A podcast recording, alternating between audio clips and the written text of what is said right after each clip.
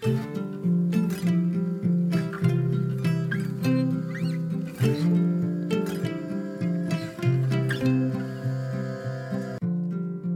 och välkommen till For Health med Anna Sparre. Idag pratar vi om mineralerna koppar och järn. Har du lurats att tro att vi måste äta zink för att hålla koppar i schack? Eller att järn är något du har brist på? Fel, fel, fel! Lyssna idag! Du får spännande förklaringar till hur saker hänger ihop i kroppen. Det här är, på er lyssnares förfrågan, den helt svenska versionen av intervjun med Morley Robbins. Gillar du det här avsnittet så lyssna även på hela intervjun. Om du gillar avsnittet så dela med dig av det på Facebook, Instagram eller till en vän. Och gå in och lämna din recension i iTunes. Det är helt avgörande för poddens överlevnad. Och dela det gärna i dina Facebookgrupper. Stort tack på förhand! Det bästa från poddarna finns nu i skriftligt format som e-böcker på forhealth.se under fliken böcker. Tusen tack till dig som köpt och också till dig som lämnat en donation.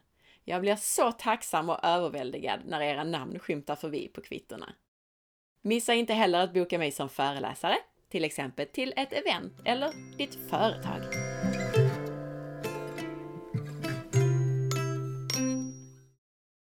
Varför är koppar ett så viktigt ämne? Koppar är det enda ämnet som gör att vi kan aktivera syre i mitokondrierna och göra om det till vatten. Vi lever på en planet där järn är det vanligaste ämnet. Det finns 60 gånger så mycket järn som koppar i våra kroppar. 80% av järnet används för röda blodkroppar, vilka transporterar syre. Men det är koppar som styr och ställer så att vi verkligen kan använda syret när vi producerar energi i våra celler. Koppar behövs också för våra antioxidantenzymer för att ta hand om fria radikaler. Det går inte att jämföra de här kroppsegna antioxidanterna med de vi får från maten. Våra kroppsegna antioxidanter är extremt kraftfulla och i de här behövs det koppar. Koppar behövs också för att bilda blod, bland annat för produktionen av hemoglobin. Dessutom behövs koppar för att hantera och återvinna järn. Koppar i din kropp måste vara biotillgänglig. Med det menas att koppar måste vara i de enzymer som gör koppar användbart. Det måste vara bundet i olika komplex i kroppen. Ett högt koppar i till exempel ett blodprov eller i hår det kan vara att koppar inte finns bundet i det enzym i blodet, ceruloplasmin, som det ska vara bundet i. Det är oxidativ stress som gör att koppar frigörs från ceruloplasmin. Och vad är det som ger oxidativ stress? Jo, obundet, oreglerat järn. Man kan alltså säga att det är järnöverskott som frigör koppar så att det inte längre kan användas på ett korrekt sätt i kroppen. Enzymet ATP7A lastar in koppar i ceruloplasmin där det ska vara, när det finns tillräckligt med retinol, vitamin A alltså, tillgängligt. Och retinolhormonet, en metabolit av A-vitamin som heter retinoic acid, retinoinsyra. Ceruloplasmin är ett protein, ett enzym, som har många viktiga funktioner i kroppen. Trots detta är det relativt okänt Ceruloplasmin är känt för att vara ett transportprotein för koppar. Det är också ferroxidasenzymet som är nödvändigt för järnmetabolismen i kroppen. Det reglerar kväveoxid, det förhindrar att fett härsknar i kroppen, det reglerar energiproduktion och så vidare. Det gör alltså otroligt viktiga saker i kroppen. Intressant nog var det svenskar som upptäckte det här proteinet och trots detta vet vi inte vad det är. Ceruloplasmin bildas i hela kroppen, men till stor del i levern, ögat och i hjärnan. Morley berättar också att oorganiskt järn tillsätts i vissa länder till bland annat mjöl. Detta är extremt toxiskt eftersom det bokstavligen genererar rost i kroppens vävnader.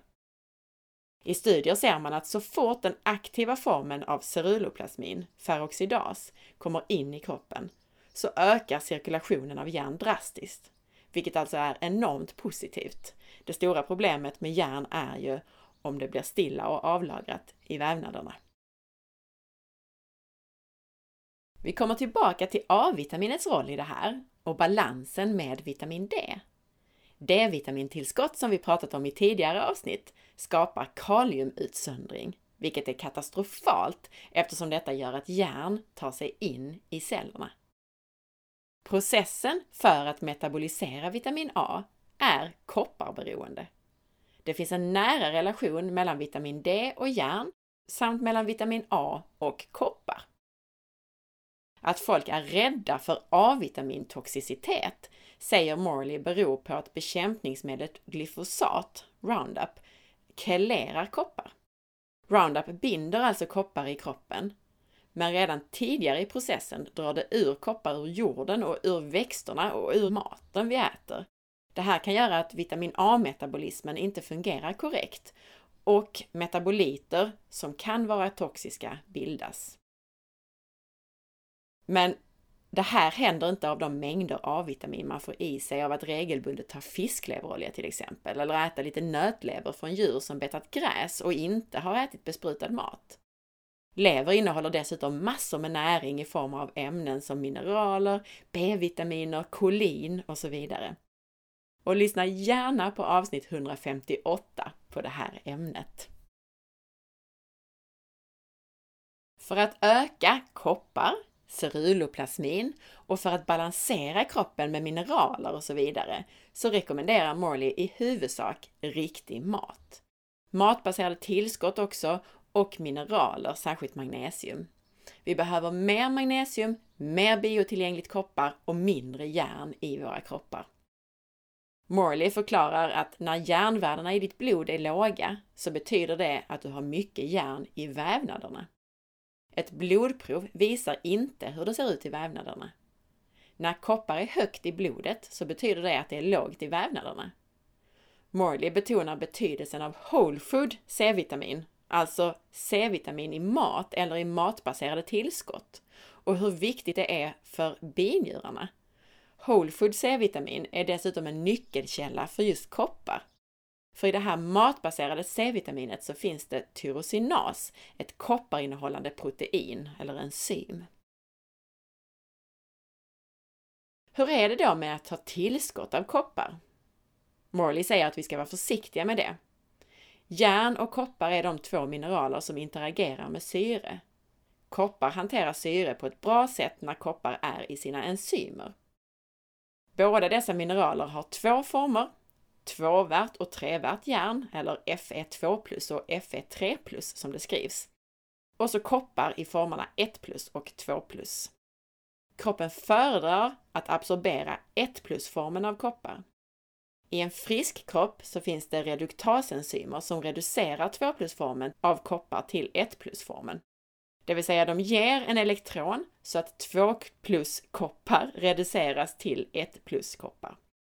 De flesta koppartillskott är i 2+, form och de flesta människor har problem med sina reduktasenzymer som ska ta hand om denna form av koppar. Detta bland annat eftersom de har tagit antibiotika, vilket påverkar de bakterier i tarmen som behövs för reduktasenzymerna.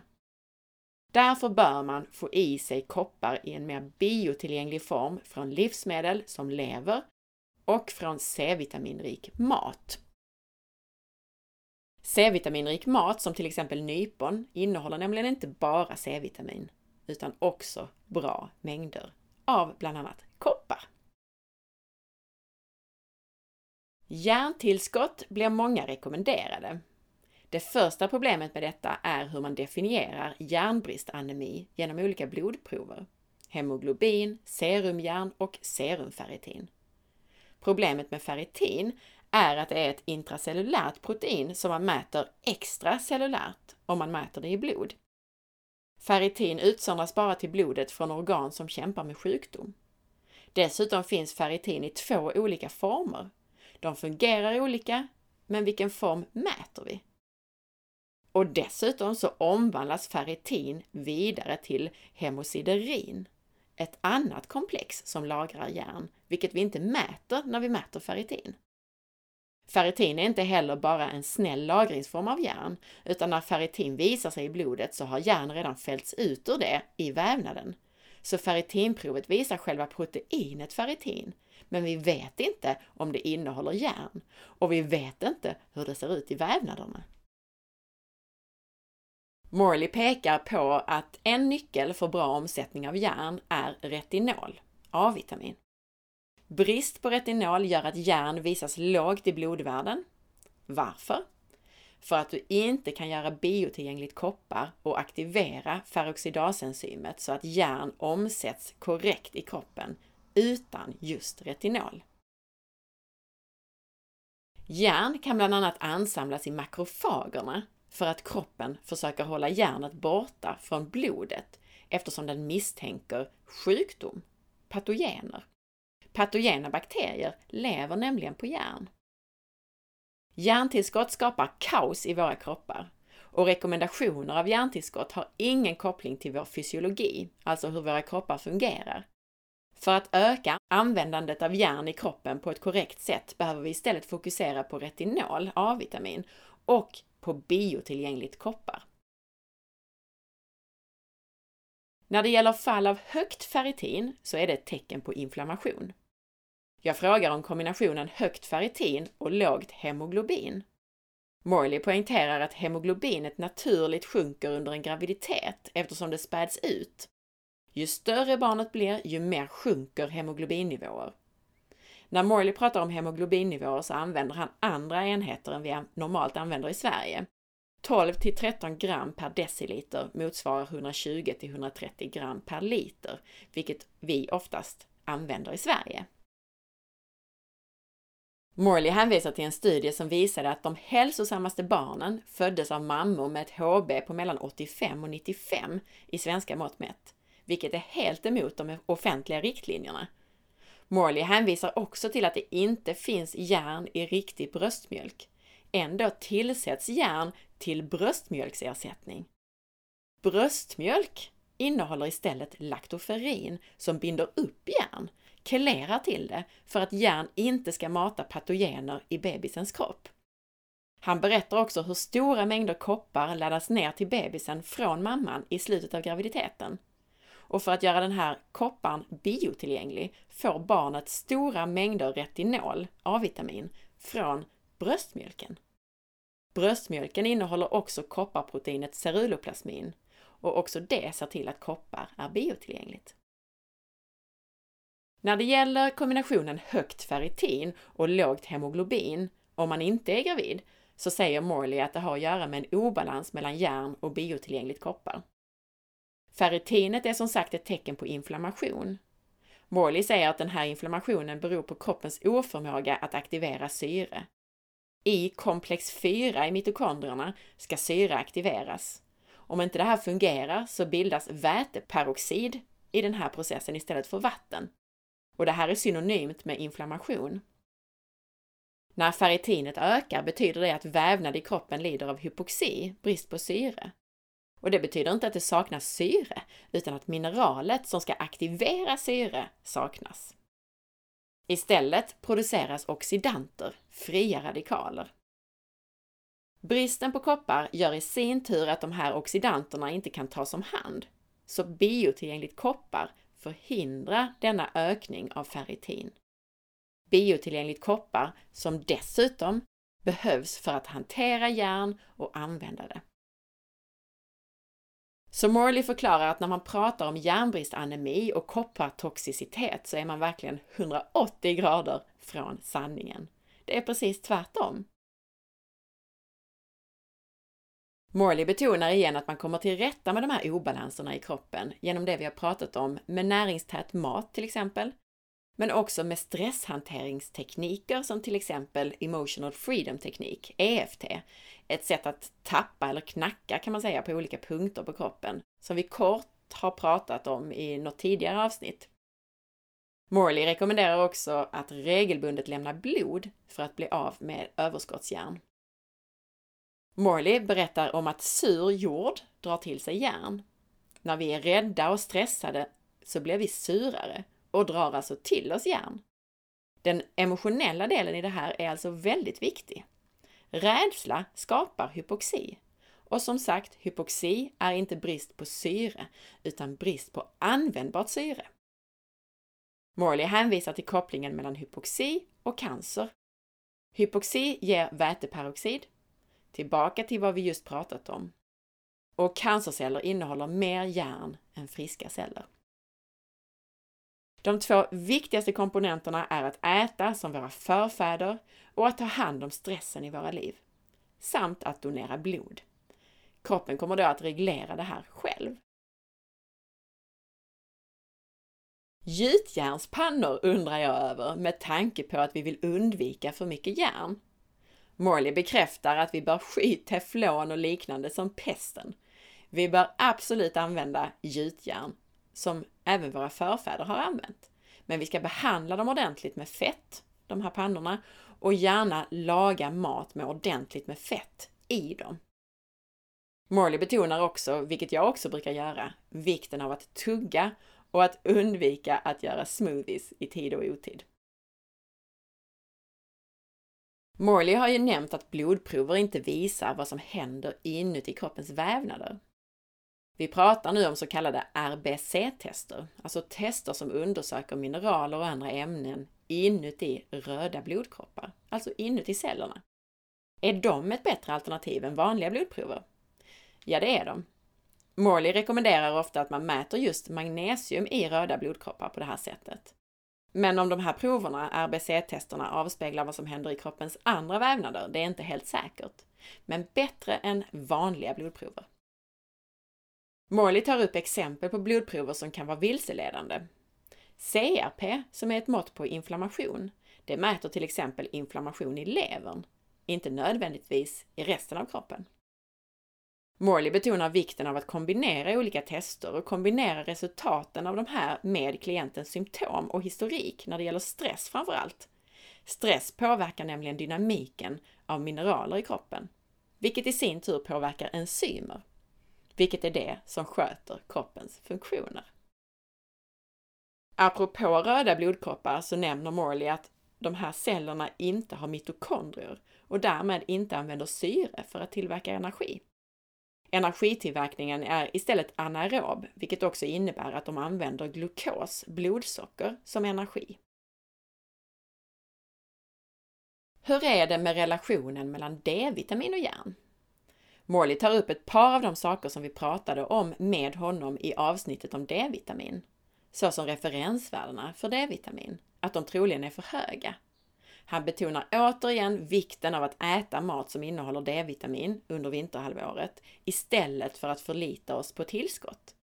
Och han tar upp att låga D-vitaminvärden är kopplade till inflammation. D-vitamintillskott åtgärdar inte denna inflammation. Morley betonar att magnesium är helt nödvändigt för att förebygga inflammation.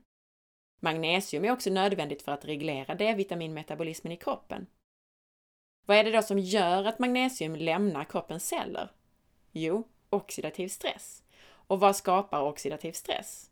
Jo, ett överskott på järn. Järn i blodet är inte samma sak som järn i cellerna. Järnet kommer att se lågt ut i blodet när det är en inflammationsprocess som pågår. Och det är järnet i cellerna som triggar inflammation. Järnet aktiverar olika cytokiner som styr inflammation, såsom IL-6. När man bara tittar på D-vitamin så ignorerar man retinol, vitamin A. Mat som naturligt innehåller D-vitamin innehåller också större mängder A-vitamin, såsom torskleverolja som innehåller 10 gånger mer retinol än vitamin D. D-vitamin som tas enskilt blockerar absorptionen av retinol och gör också att vi förlorar lagrat A-vitamin. För mycket D-vitamin i förhållande till retinol påverkar alltså A-vitaminstatusen i kroppen på ett betydande sätt. Och brist på retinol ger inflammation. Molly summerar att stora mängder D-vitamintillskott förstör retinolstatus i kroppen. Det förstör magnesiumstatus och det bidrar till hjärntoxicitet. Vi pratar också om kväveoxid, D-vitamin och järn jag har vid något tillfälle hört Morley nämna att D-vitamin påverkar kväveoxid, vilket i sin tur kan påverka så att det ser ut som att vi har lite järn i kroppen. Men den här frågan får vi återkomma till vid ett annat tillfälle. De rekommendationer som Morley har nämnt och som han kallar för Root Cause Protocol kommer vi att summera i sista avsnittet med Morley som kommer nästa gång. Och i det kommande avsnittet med Morley får du lära dig om zink, vi kommer in på stress och sköldkörteln och så rundar vi av genom att summera Morleys viktigaste tips för din hälsa.